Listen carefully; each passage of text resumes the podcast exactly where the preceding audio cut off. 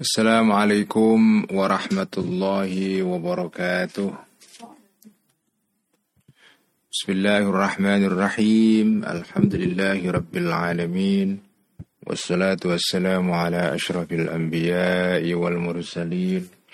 سيدنا وحبيبنا ومولانا وقرة أعيننا محمد وعلى آله وأصحابه ومن تبعهم بإحسان إلى يوم الدين. رب اشرح لي صدري ويسر لي أمري واحلل عقدة من لساني يفقه قولي. رب زدنا علما وارزقنا فهما. آمين يا رب العالمين. أما بعد Teman-teman, mari kita ngaji kitab Al-Iqtisad fil i'tiqad. Dan seperti biasa mari kita mulai dengan membaca Al-Fatihah إلى روح نبينا وشفينا محمد صلى الله عليه وسلم وإلى أرواح الأنبياء والمرسلين وإلى أرواح الأولياء والشهداء والصالحين والأئمة المجتهدين خصوصا روح سلطان الأولياء الشيخ عبد القادر الجيلاني والإمام أبي الحسن والإمام الجنيد البغدادي وحجة الإسلام أبي حامد الغزالي والشيخ الأكبر مكحد بن عربي والإمام أبي الحسن الشاذلي وإلى أرواح أولياء الله تعالى في أذل سنترى حسن أرواح ولسان وروح لله جدنا محمد متمكن قدس الله أسرارهم ونور ضرائحهم عدم بركاتهم ونفعنا بعلومهم إلى أرواح علمائنا مؤسسي جمعية نهضة العلماء والجمعيات الإسلامية الأخرى خصوصا روح حضرة الشاب هاشم أشعري كي الله حسب الله كي بشي سنسوري كي واحد. كستور كي خلل بنك اهدنا الصراط المستقيم صراط الذين أنعمت عليهم غير المغضوب عليهم ولا الضالين. آمين. بسم الله الرحمن الرحيم. قال المؤلف رحمه الله تعالى ونفعنا به وبعلمه في الدارين. آمين. رب يسر وعين Kitab Al-Iqtisad fil I'tiqad halaman 193 edisi Darul Minhaj fa in kila Alinea pertama fa in kila in dalla hadza lakum faqad dalla alaikum su'aluhu ar-ru'yata fid dunya wa dalla alaikum qawluhu ta'ala lan tarani wa qawluhu subhanahu la tudrikuhul absar Ini kita masih membicarakan soal uh, bahwa ya Allah itu bisa dilihat. Uh, jawazu atau imkanu ru'yatillahi fil akhirah. Allah itu bisa dilihat oleh manusia nanti di akhirat. Ini pendapat uh, akidah asyariyah ya. Nah, lawan-lawan akidah asyariyah yaitu akidah kaum Mu'tazilah dan sebagian akidah kelompok-kelompok yang lain mereka mengatakan bahwa Allah tidak bisa dilihat karena Allah tidak mempunyai jauhar dan arot, tidak memiliki uh, apa? tidak berupa benda, tidak berupa sesuatu yang bersifat material. Karena itu Allah tidak bisa dilihat. Ini pendapat Mu'tazilah ya. Tapi pendapat uh, akidah asyariah tidak ya. Pendapat asyariah ini akidah mayoritas umat Islam Sunni di seluruh dunia saat ini ya termasuk warga NU dan kelompok-kelompok yang lain itu sebagian besar mengikuti akidah asyariah ya. Dan juga akidah Maturidiyah juga sama ya. Jadi asyariah Maturidiyah ini jadi dalam peta atau konstelasi uh, sejarah Islam dan umat Islam saat ini. Uh, umat Islam itu terbagi dalam dua kelompok besar ya. Ada Sunni ada Syiah ya. Nah mayoritas umat Islam itu mengikuti madhab Ahlussunnah wal Jamaah atau Sunni ya Nah kelompok ahlu sunnah wal jamaah itu banyak jenis-jenisnya Tidak hanya satu kelompok saja Nah tetapi kelompok ahlu sunnah wal jamaah itu mayoritas adalah pengikut uh, akidah asyariyah, ya akidah yang dirumuskan oleh Imam Abil Hasan al Ashari ya. dan pengikut akidah Maturidiyah, ya, Maturidiyah. Maturidiyah ini akidah yang dirumuskan uh, oleh Imam Abu Mansur al Maturidi. Maturid itu daerah uh, Uzbekistan sekarang ini ya. Jadi di daerah Uzbekistan itu luar biasa itu. Ya, di situ tuh ada para imam besar dalam sejarah Islam dulu. Sekarang negara ini ya karena pernah lama pernah dikuasai oleh uh, rezim komunis ya Uni Soviet. Jadi ya mengalami apa namanya keadaan yang menyedihkan ya karena pada masa Uni Soviet itu kan agama dimusuhi, dilarang bahkan ya. Sehingga dalam waktu yang cukup lama, sekitar 70 tahunan yaitu itu ada masa ketika orang tidak boleh menampakkan diri beragama itu. Tetapi di daerah Uzbekistan itu dulu pernah muncul ulama-ulama besar. Ya, salah satunya adalah ini apa namanya?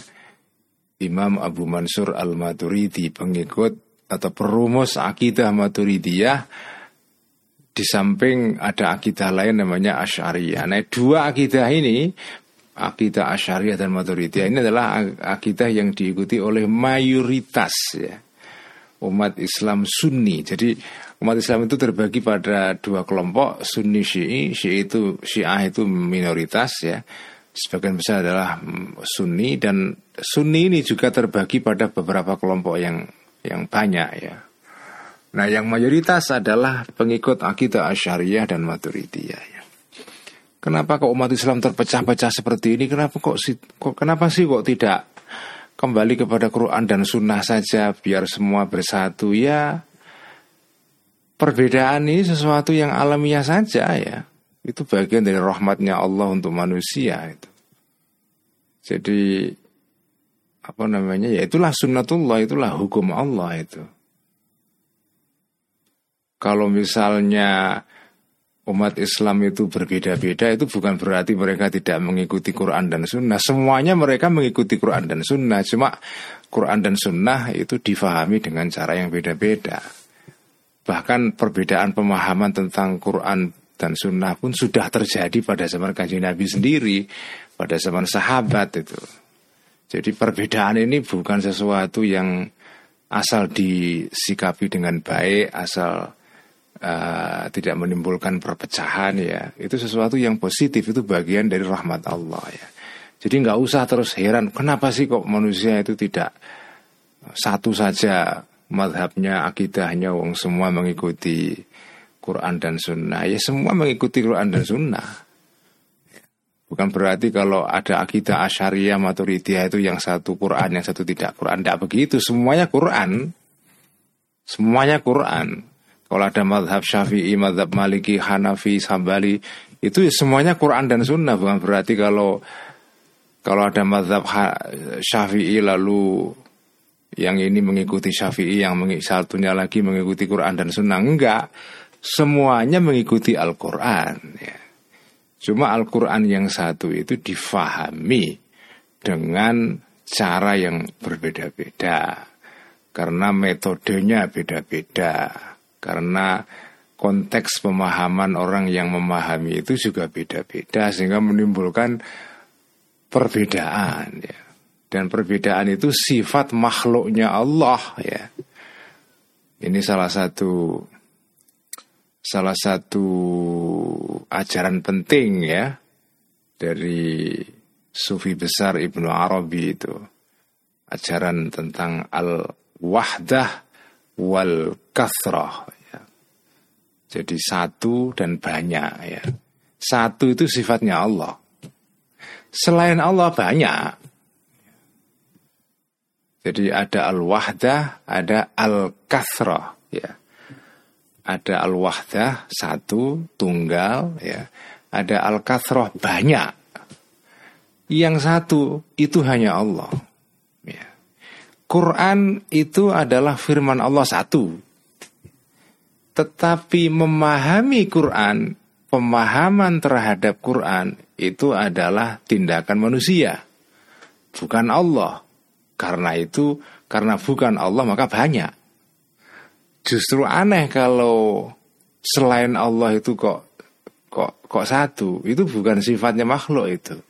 Sifatnya makhluk Allah ya itu sudah sudah ditakdirkan oleh Allah ya, sudah begitu keadaannya yaitu banyak.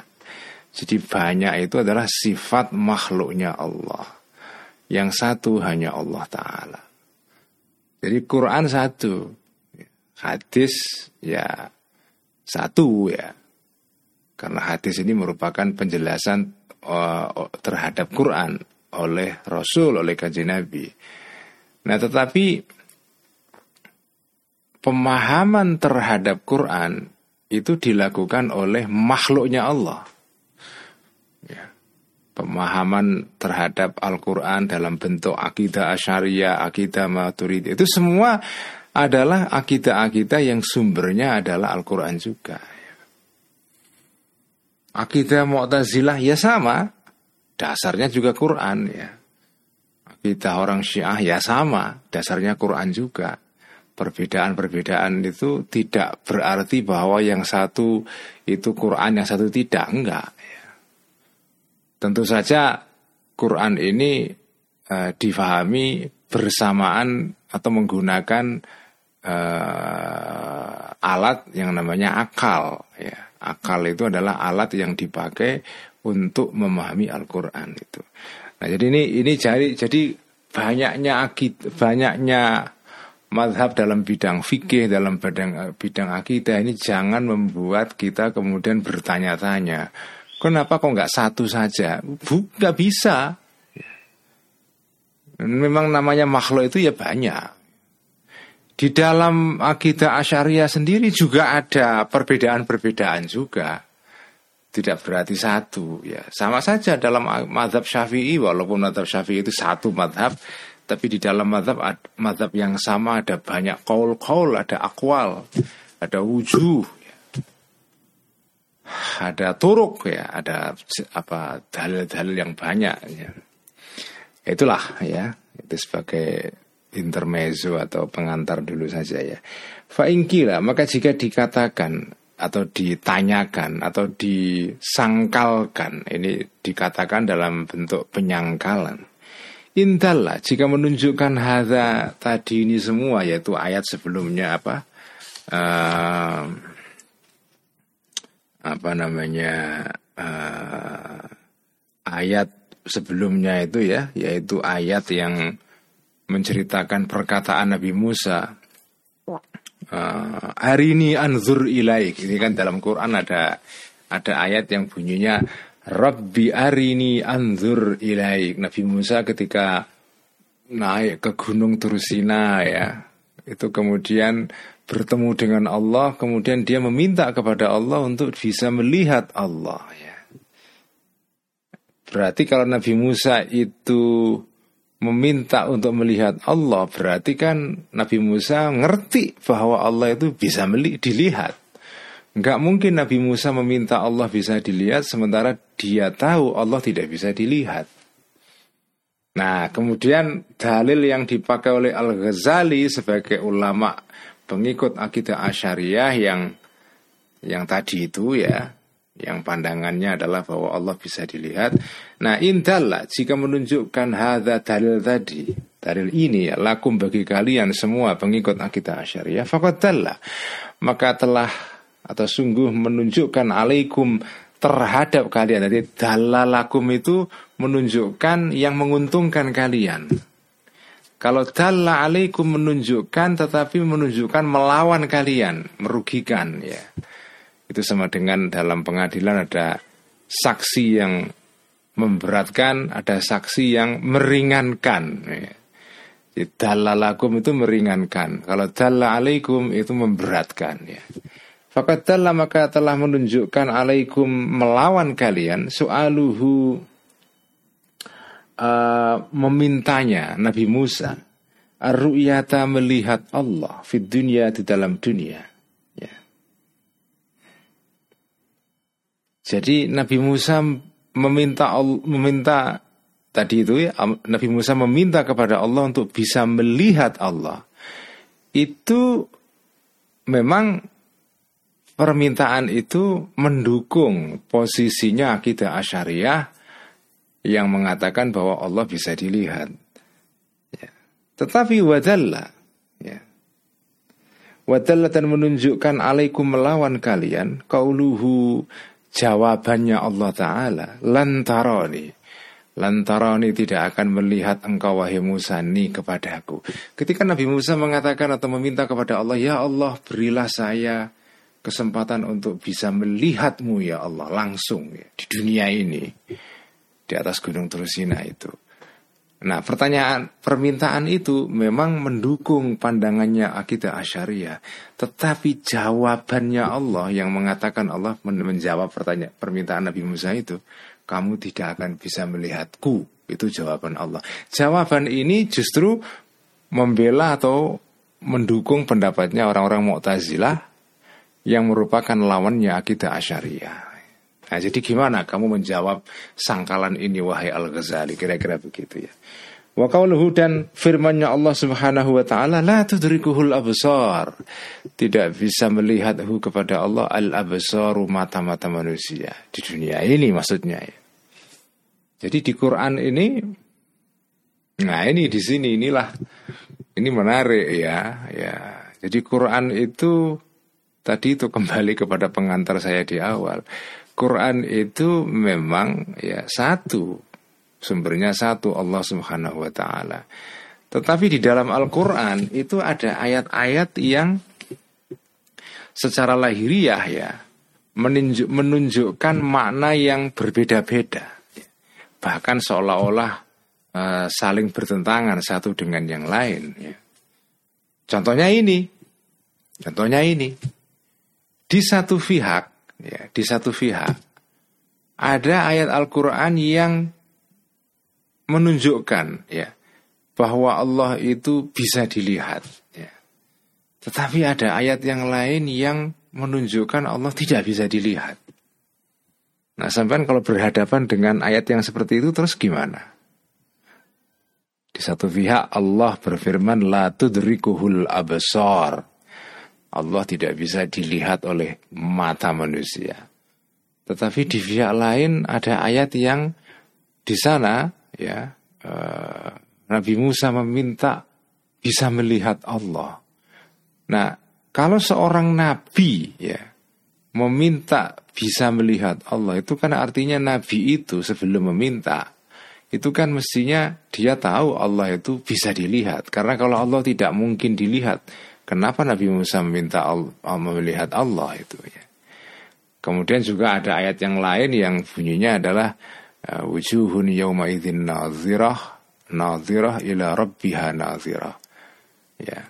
Jadi apa namanya manusia itu pada saat nanti di hari kiamat itu naziratun bisa melihat Allah. Itu atau ayat yang lain ya Nah, bagaimana menggabungkan atau mengharmonisasikan antara dua ayat yang berbeda-beda ini? Nah, kalau menurut pendapat akidah asyariah ya, Artinya dua ayat yang maknanya seolah-olah dua ayat yang berbeda-beda ini bahkan saling bertentangan. Maknanya adalah bahwa Allah itu tidak bisa dilihat la tudrikuhul absar di dunia. Tetapi nanti di akhirat bisa dilihat. Jadi tidak bisa dilihat la tudrikuhul absar di dunia. Nanti di akhirat bisa dilihat. Ayatnya adalah wujuhun yawma idzin nadhirah ila rabb fiha nazirah ya. Itulah cara akidah asyariah untuk mengharmonisasikan dua ayat yang seolah-olah, seolah-olah ya, bukan sejatinya, seolah-olah maknanya saling bertentangan itu. Nah, bagaimana Al Ghazali menjawab sangkalan ini? Kulna menjawab kami, wahai uh, kami para pengikut akidah syariah. Amma soalur ru'yati. Adapun meminta melihat Allah oleh Nabi Musa di dunia di dunia fahuwa maka itu adalah dalilun petunjuk ala adami ma'rifatihi terhadap tidak tahunya Nabi Musa biwuku'i waktima biwukui waktima tentang terjadinya atau terjadinya waktu sesuatu ya. Waktunya sesuatu huwa yang sesuatu ini jaizun itu mungkin fi nafsi di dalam dirinya sesuatu itu. Jadi ketika Nabi Musa itu melihat nah, meminta kepada Allah ya Allah berilah saya kesempatan untuk melihatmu Lalu dijawab oleh Allah, kamu tidak akan bisa melihatku. Permintaan Nabi Musa itu artinya bukan bahwa Nabi Musa itu tidak tahu bahwa Allah itu uh, tidak mungkin dilihat. Bukan itu. Jadi kalau dalam pandangannya uh, orang Mu'tazilah, ya, pandangannya orang Mu'tazilah, yang mengatakan Allah tidak bisa dilihat memahami permintaan Nabi Musa ini untuk melihat Allah itu artinya adalah bahwa Nabi Musa itu tidak tahu bahwa Allah itu pada dirinya itu tidak mungkin dilihat. Jadi seolah-olah pandangan Mu'tazilah itu menuduh Nabi Musa itu tidak tahu. Tidak tahu bahwa Allah tidak bisa dilihat. Nah menuduh seperti itu menuduh bahwa Nabi itu bodoh itu kan ya tidak pantas ya. Seperti dikatakan Al Ghazali pada bagian sebelumnya ya. Dan tapi kemudian bagaimana para ulama Asy'ariyah menjawab ya, menjawab sangkalannya orang-orang Mu'tazilah. Lah kalian kan sama. Sama juga menuduh Nabi Musa juga tidak tahu. Karena jawabannya Allah adalah kamu tidak akan bisa melihat aku. Artinya Nabi Musa meli, minta melihat Allah. Ya, Nabi Musa tadi kan meminta, meminta bisa melihat Allah. Jawaban Allah kamu nggak bisa melihat saya. Itu kan artinya kamu menuduh Nabi Musa juga sama sama saja sama saja kamu menuduh menuduh Nabi Musa tidak tahu juga. Sama saja kamu menuduh Nabi Musa ini bodoh gitu loh jawaban apa namanya Imam Ghazali tidak. Kami tidak mengatakan bahwa Nabi Musa itu tidak tahu bahwa Allah itu tidak bisa dilihat. Bukan itu. Yang tidak diketahui oleh Nabi Musa itu adalah kapan Allah itu bisa dilihat. Bahwa Allah itu bisa dilihat itu memang iya. Ya. Ya, Nabi Musa tahu Allah itu bisa dilihat. Karena itu Allah Nabi Musa meminta meminta supaya bisa melihat Allah ya. Jadi uh, para pengikut akidah asyariah ini tidak menuduh Nabi ini bodoh, bukan. Ya, bukan. Nabi Musa tahu bahwa Allah ini pada dirinya itu mungkin dilihat. Karena itu beliau meminta kepada Allah untuk melihatnya. Cuma yang tidak diketahui Nabi Musa itu adalah kapan Allah itu bisa dilihat. Nabi Musa mengira Allah itu bisa dilihat di dunia ini. Padahal Allah itu hanya bisa dilihat di akhirat ya. Jadi Nabi Musa ini tahu Allah itu bisa dilihat ya. Jadi di, di sini tidak ada tuduhan apa pun dari pihak pengikut akidah Asyariah bahwa Allah itu tidak bisa dilihat. Tidak. Hanya saja Nabi Musa ini tidak tahu bahwa uh, apa namanya tidak tahu tentang kapan kemungkinan bisa melihat Allah itu bisa terjadi. Di dunia apa di akhirat itu tidak tahu. Tapi bahwa Allah itu bisa dilihat iya. Iya ya. nah kalau begitu apakah tidak berarti sama saja? Nabi Musa ini dituduh bodoh juga oleh pengikut akidah Asyariah memang memang Nabi Musa tidak bodoh tentang bahwa Allah tidak mungkin dilihat, tetapi Nabi Musa bodoh tentang tidak tahunya beliau, tidak tahunya Nabi Musa tentang kapan waktu terjadinya atau waktu kemungkinan terjadinya Allah itu bisa dilihat ya. Pada akhirnya ada tuduhan bahwa Allah bahwa Nabi Musa itu tidak tahu bahwa Nabi Musa itu bodoh gitu termasuk dari kalangan Asharia sendiri. Nah, itu itu itu kan sangkalan kaum Mu'tazilah. Nah bagaimana Nabi Imam Ghazali menjawab ini? Wal anbiya'u para nabi-nabi kulluhum semuanya alaihi wasallam la ya'rifuna tidak mengetahui para nabi-nabi ini minal ghaibi ter dari sesuatu yang gaib yang gaib yang tidak tidak nampak ya termasuk sesuatu yang gaib ini ya Allah Subhanahu wa taala Allah itu gaib Allah itu maha gaib ya. Ilama kecuali sesuatu urifu atau ilama kecuali sesuatu orifu yang diberitahu para nabi-nabi ini. Wahua dan. Sesuatu yang diberitahu oleh Allah kepada para nabi-nabi ini ya.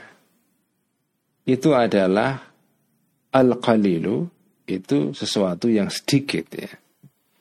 Faminaina maka dari mana yab'udu mustahil an yad'uwa untuk mendoakan untuk berdoa an nabi seorang nabi yaitu Nabi Musa dalam hal ini kashfa atau an nabi kanji nabi atau nabi nabi siapa pun ya tidak hanya Nabi Musa kashfa hummatin untuk me, me, ya, menghilangkan ya mengangkat uh, kesedihan. Wa izalata baliyatin dan menghilangkan cobaan.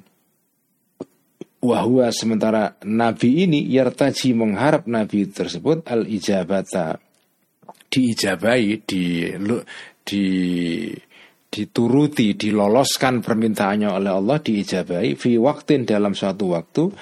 Lam yasbik yang tidak terdahulu fi ilmillahi di dalam ilmunya Allah taala al ijabatu mengijabai meluluskan permintaan tadi itu fi di dalam waktu tersebut.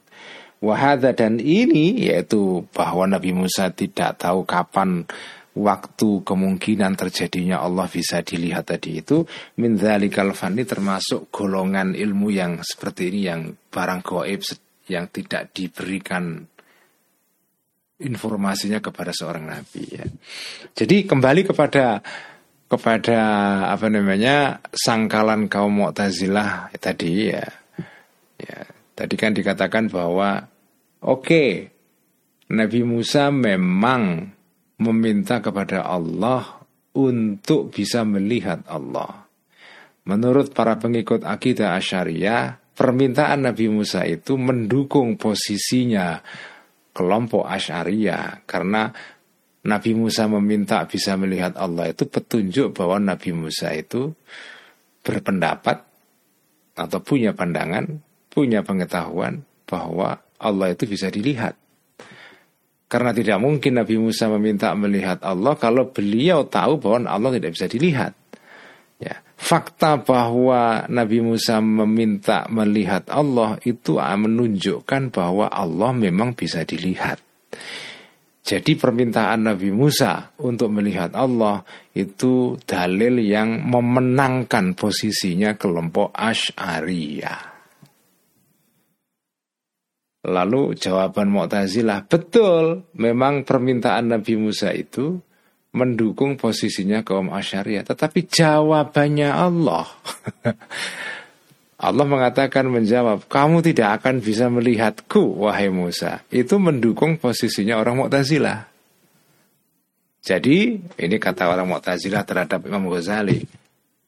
Memang di satu pihak kamu didukung ya oleh ucapan Nabi Musa.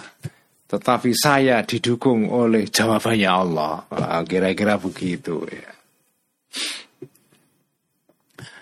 Nah ini disangkal oleh Al-Ghazali Oh tidak begitu ya, Tidak begitu Allah memang ya Memang Mengatakan ber, Menjawab bahwa Engkau wahai Musa tidak akan bisa melihat aku Ya tetapi itu maksudnya tidak bisa melihat aku di dunia.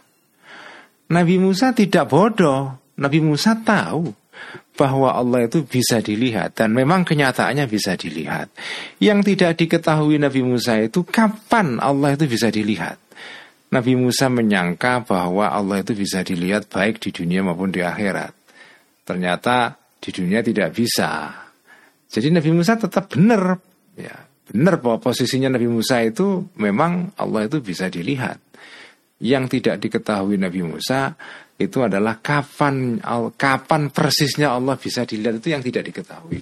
Dan itu hal yang lumrah nabi-nabi itu kadang-kadang ya kadang-kadang kadang-kadang uh, berdoa kepada Allah untuk apa misalnya meminta sesuatu ya minta sesuatu misalnya meminta kepada Allah untuk mengangkat cobaan, mengangkat uh, bala, mengangkat uh, apa namanya penyakit dan seterusnya ya.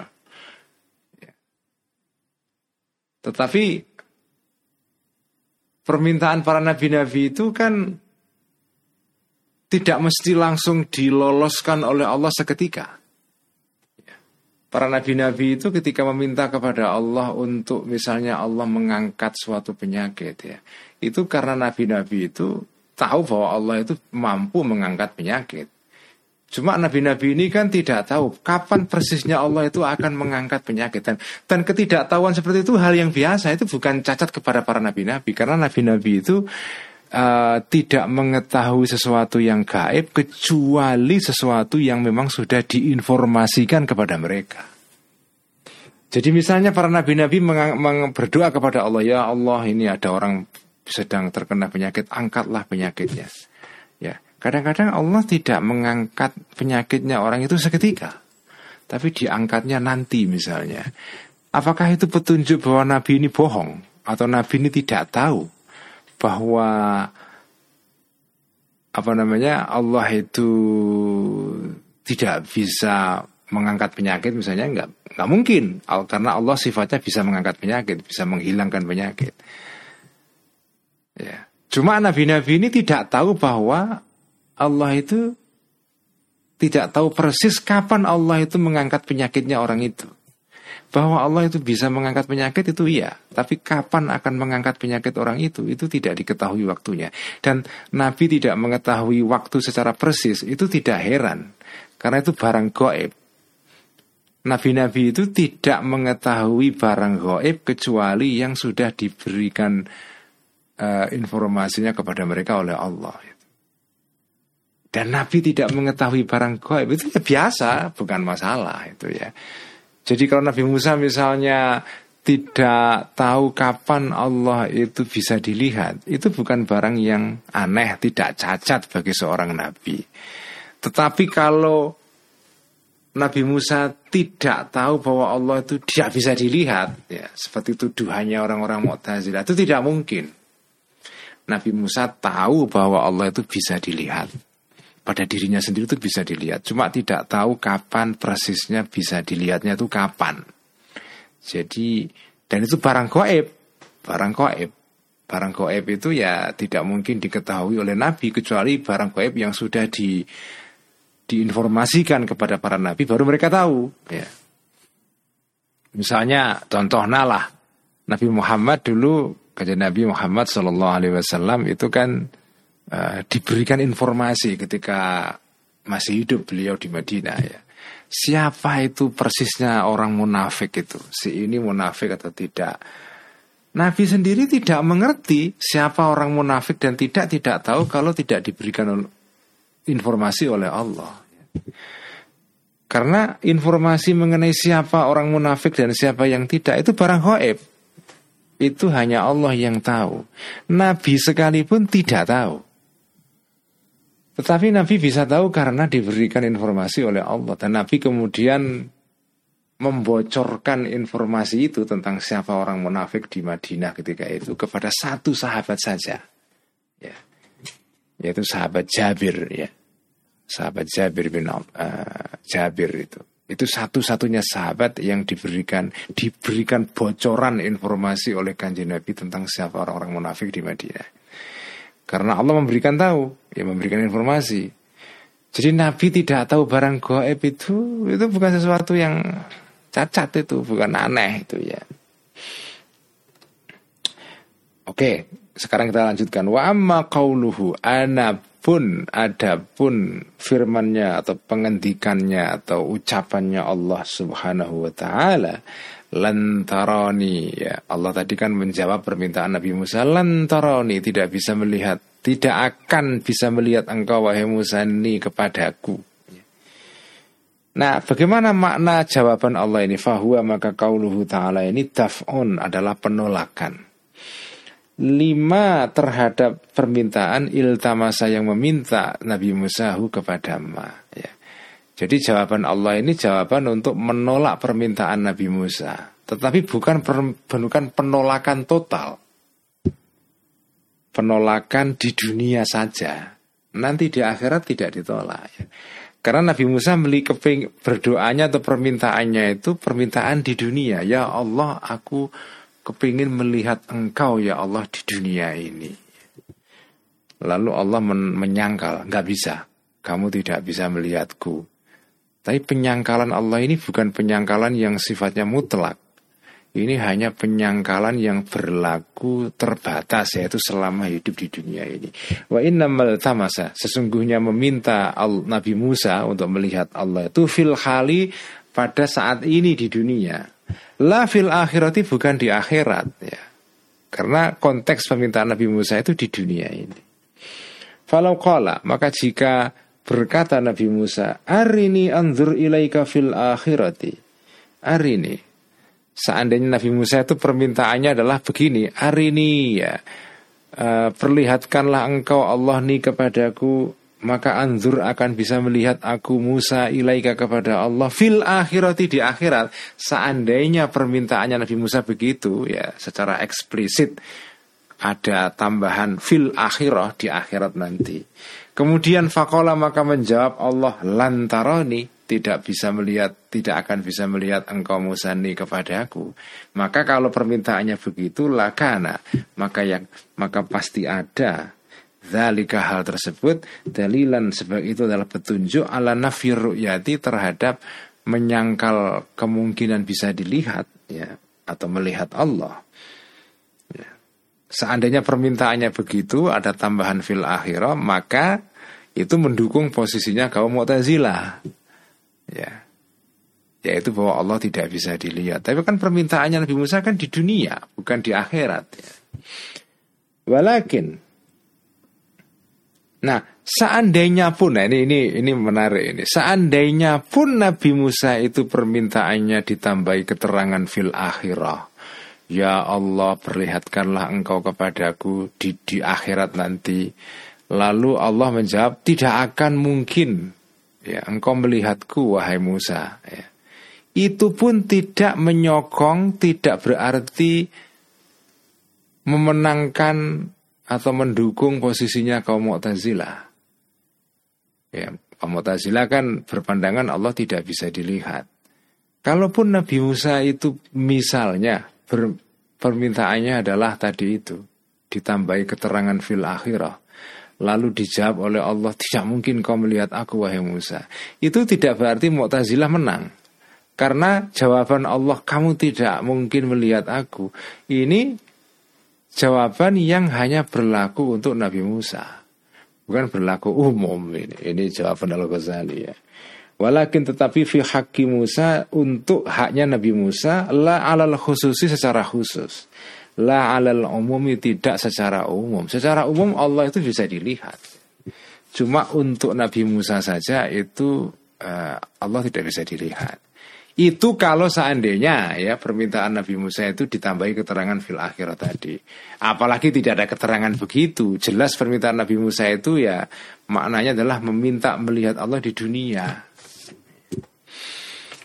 Wa makana dan tidak ada hal tersebut dalilan zalika tadi itu dalilan petunjuk alal istihalati terhadap mustahilnya melihat Allah aidan juga.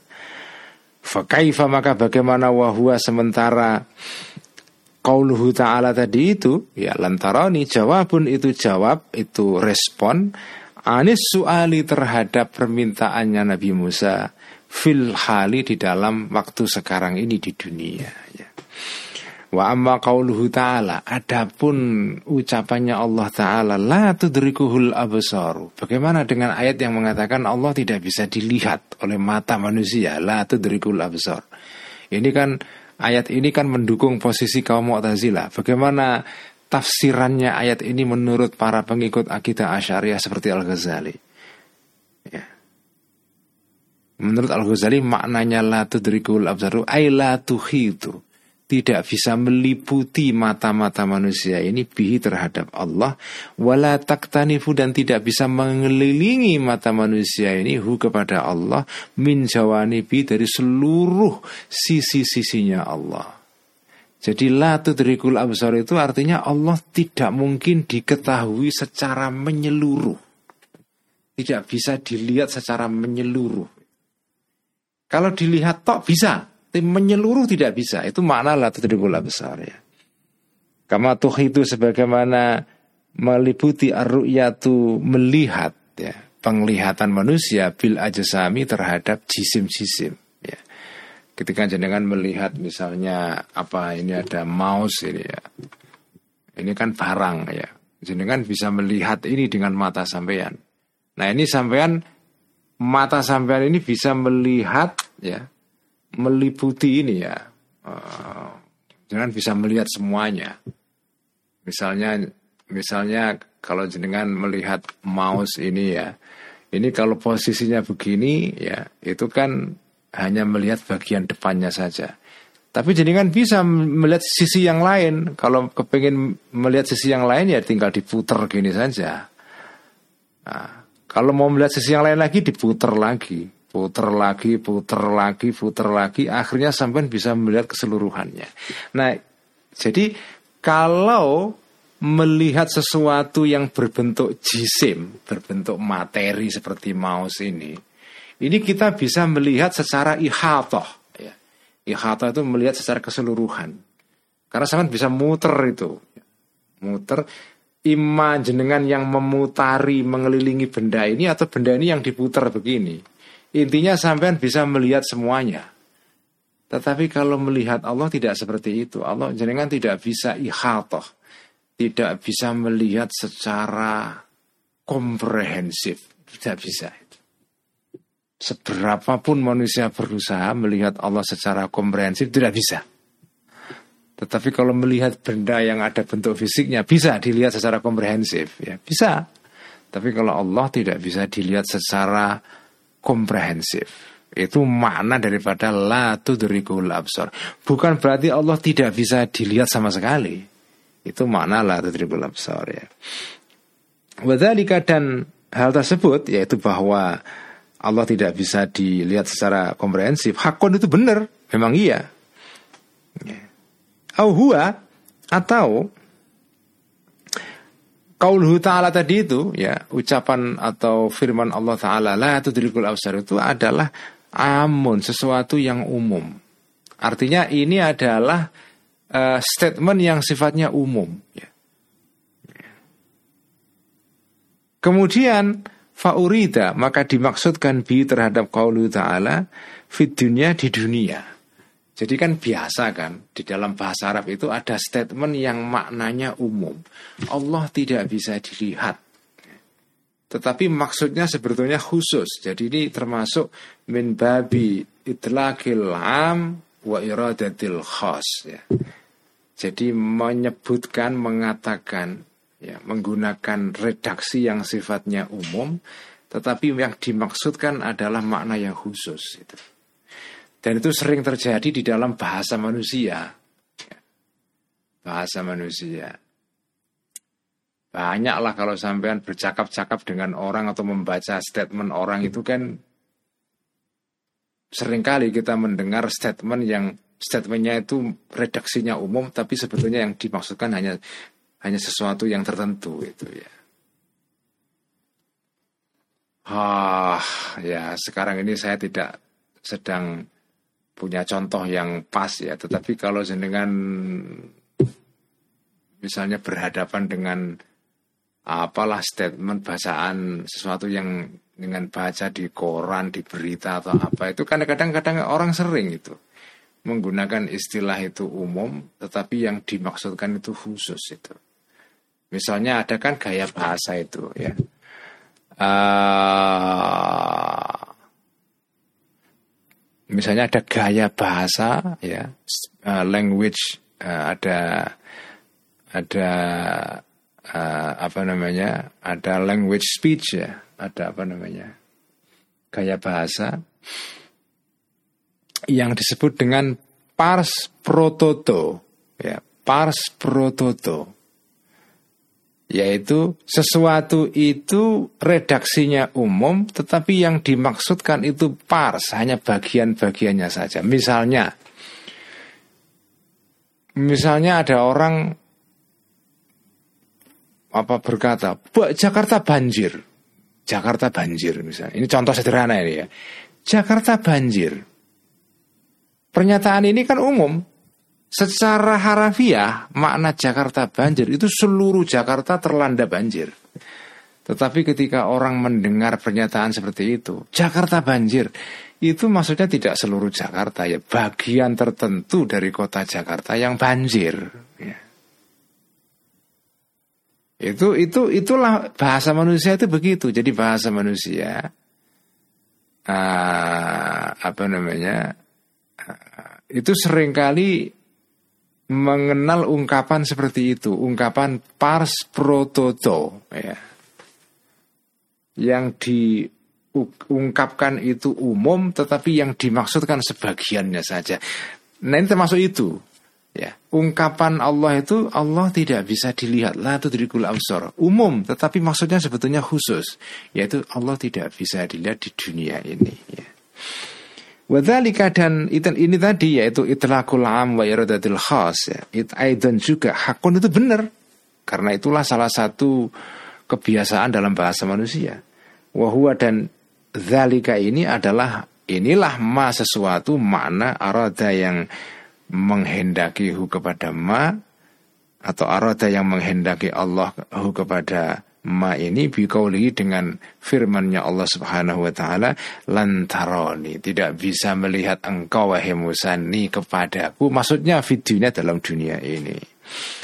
Wal naqtasid dan hendak membatasi aku Al-Ghazali ala hadzal qadri terhadap apa namanya dosis ini saja. Sudahlah keterangan tentang Allah bisa dilihat ini sekian saja. Nggak usah modot moler berkepanjangan nanti sampai malah bilang malah pusing sendiri ya bingung nanti. Min masalah diruyati dari perkara bisa melihat Allah wal yandur dan hendaklah me, menalar atau memikirkan al munsifu orang yang munsif orang yang bersifat adil ya. Kaifa bagaimana iftarakat berbeda-beda al firaku kelompok-kelompok dalam Islam watahazzabat dan bergolong-golongan kelompok-kelompok dalam Islam tadi itu ila mufritin kepada kelompok yang mufrid ya, yang ekstrim kanan. Wa mufarritin dan kelompok yang ekstrim kiri, ada ifrad dan tafrid ya. Amal hasyawiyah itu adapun kelompok hasyawiyah yaitu kelompok yang apa namanya yang berpandangan bahwa Allah itu ada bentuk materinya materinya. Allah itu ada ada bentuk fisiknya seperti barang-barang di dunia ini. Itu orang hasyawiyah ya. Hasyawiyah ini sebetulnya istilah yang agak derogatori ya. Ada agak berbau mengenyek itu ya. Al hasyawiyah itu orang-orang bodoh sebetulnya ya. Dari kata hashwun itu artinya gombal ya. Gombal untuk nyumpel sesuatu itu loh Orang-orang yang pikirannya sederhana kayak gombal itu itu artinya hasyawiyah ya. Jadi ini memang istilah yang agak pejoratif ya, agak ngenyek. Orang hasyawiyah ini ifrat ya, dia ekstrim kanan ini.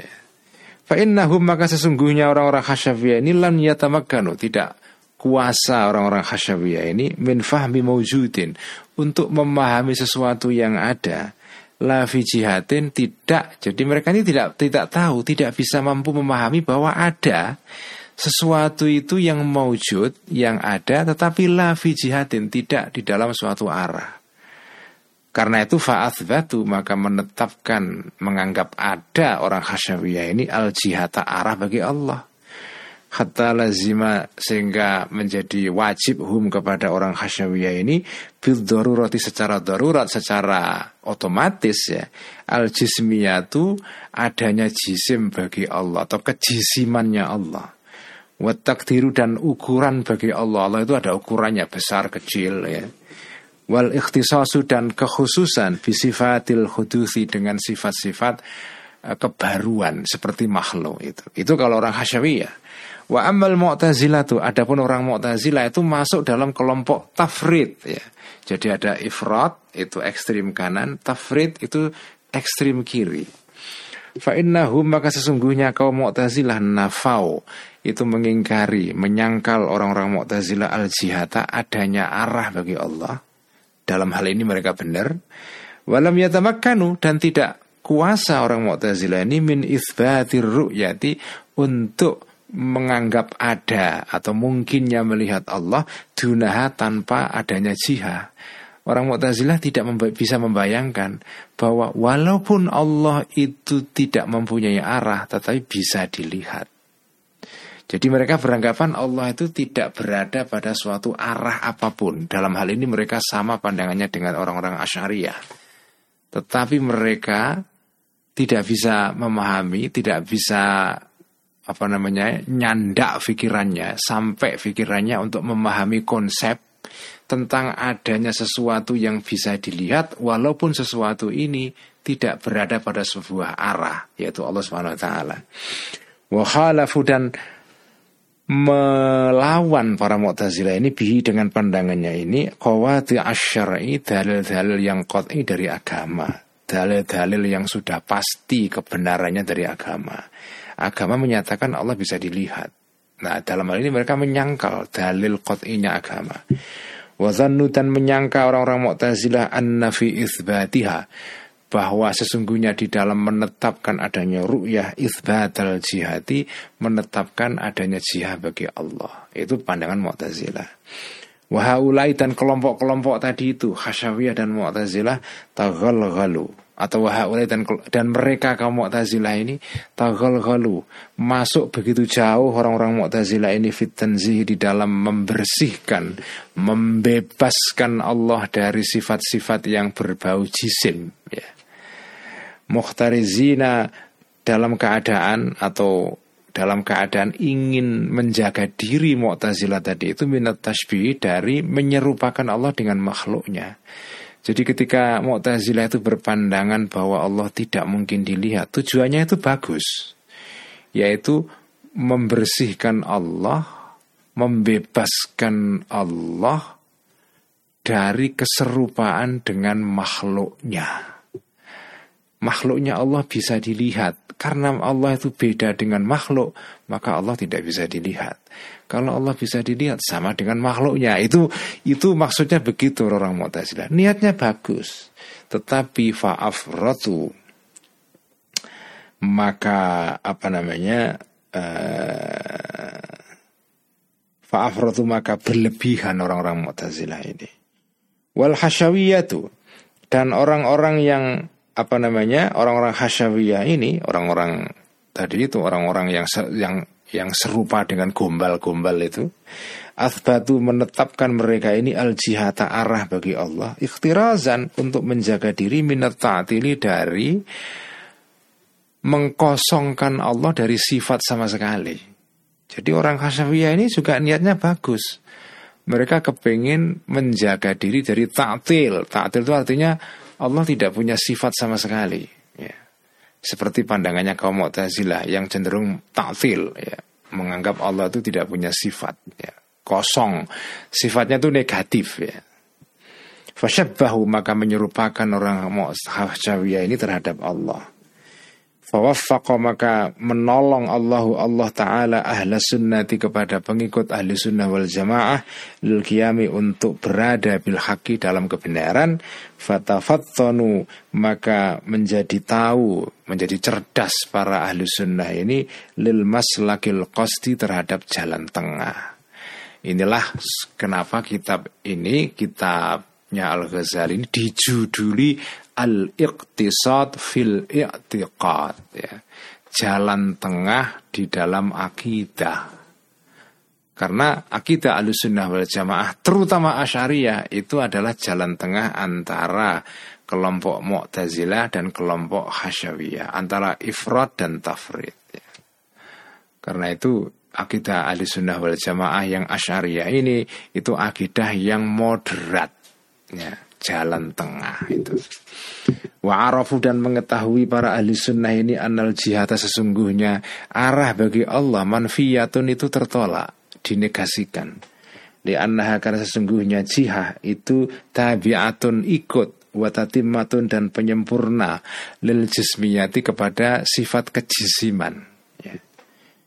Jadi memang Allah tidak punya arah karena arah itu bagian dari sifat benda yang ada jisimnya. Tetapi wa annar ru'yata. Jadi di satu via orang Asy'ariyah ini, Ahlussunnah ini sama dengan Mu'tazilah. Yaitu Allah tidak punya arah. Tapi dalam hal Allah bisa dilihat Ahli sunnah berbeda dengan Mu'tazilah Wa annar ru'yata dan sesungguhnya melihat Allah Sabitatun itu terjadi Kenapa? Karena li'annaha Karena sesungguhnya Ar-ru'yah itu radiful ilmi Itu pengikutnya sifat al-ilm, pengetahuan. Wa qaribu dan kerabatnya al-ilm. Ya.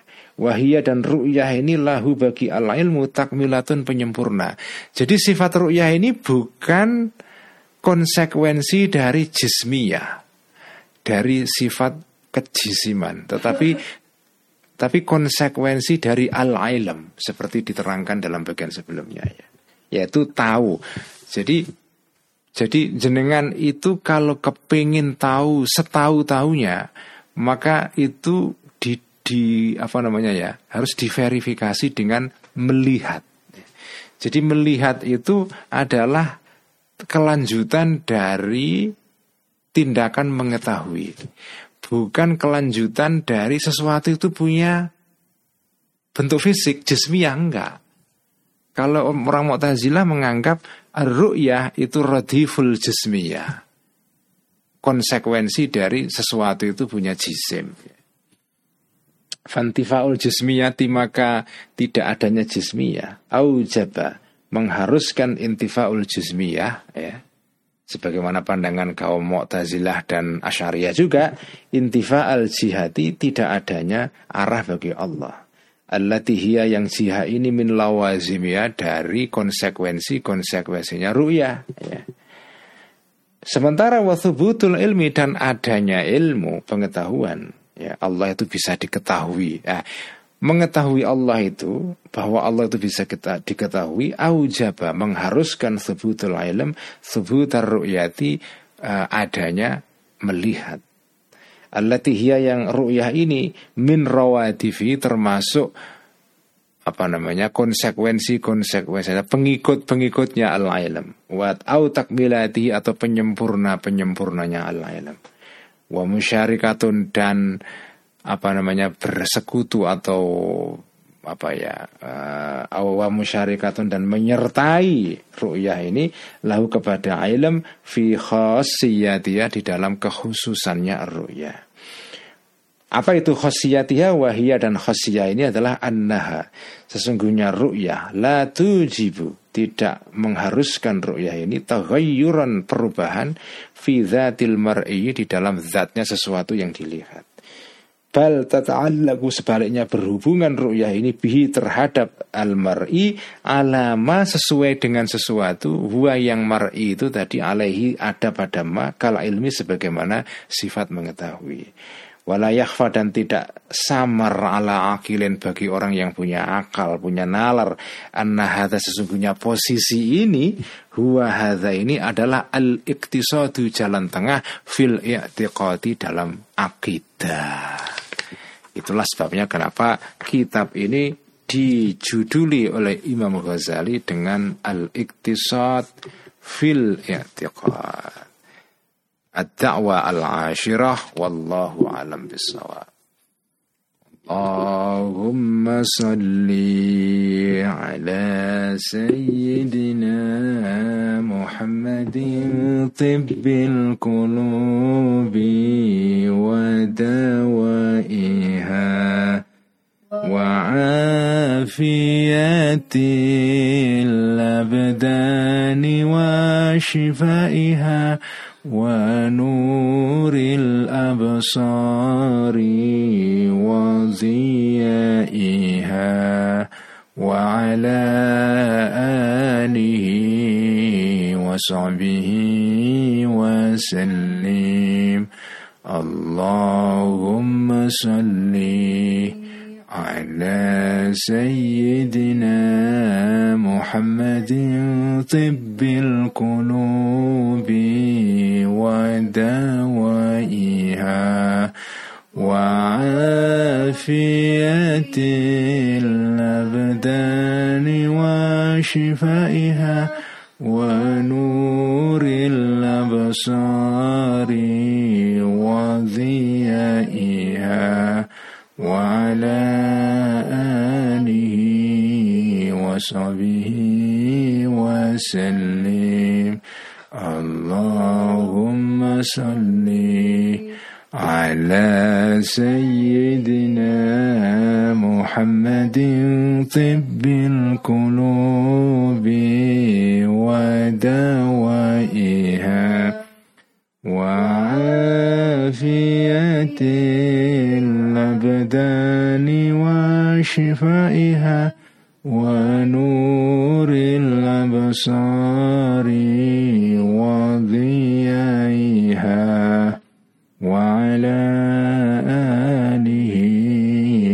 وصحبه وسلم Sebelum saya tutup ya teman-teman, saya memberi, kepengen memberikan apresiasi kepada beberapa orang ya.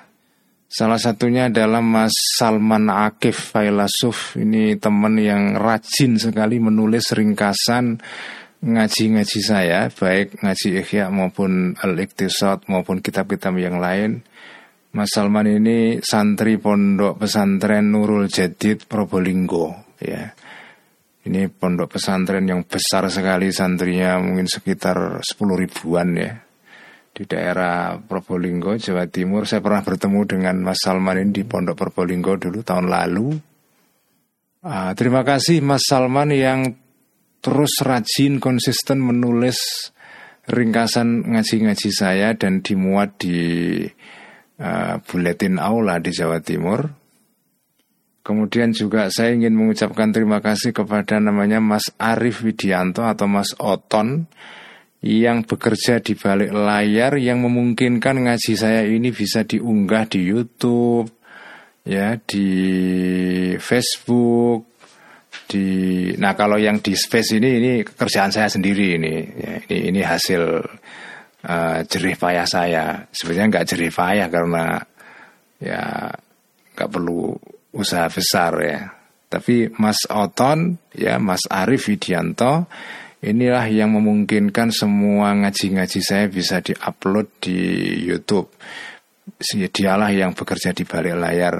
Kemudian juga ada Kiai uh, Muhammad Akrom Solihin ya dari Jalan Bawang itu jalan tapi namanya Bawang ya bukan berarti banyak bawangnya ya, tapi ini jalan bawang di Tangerang. Ini santri dan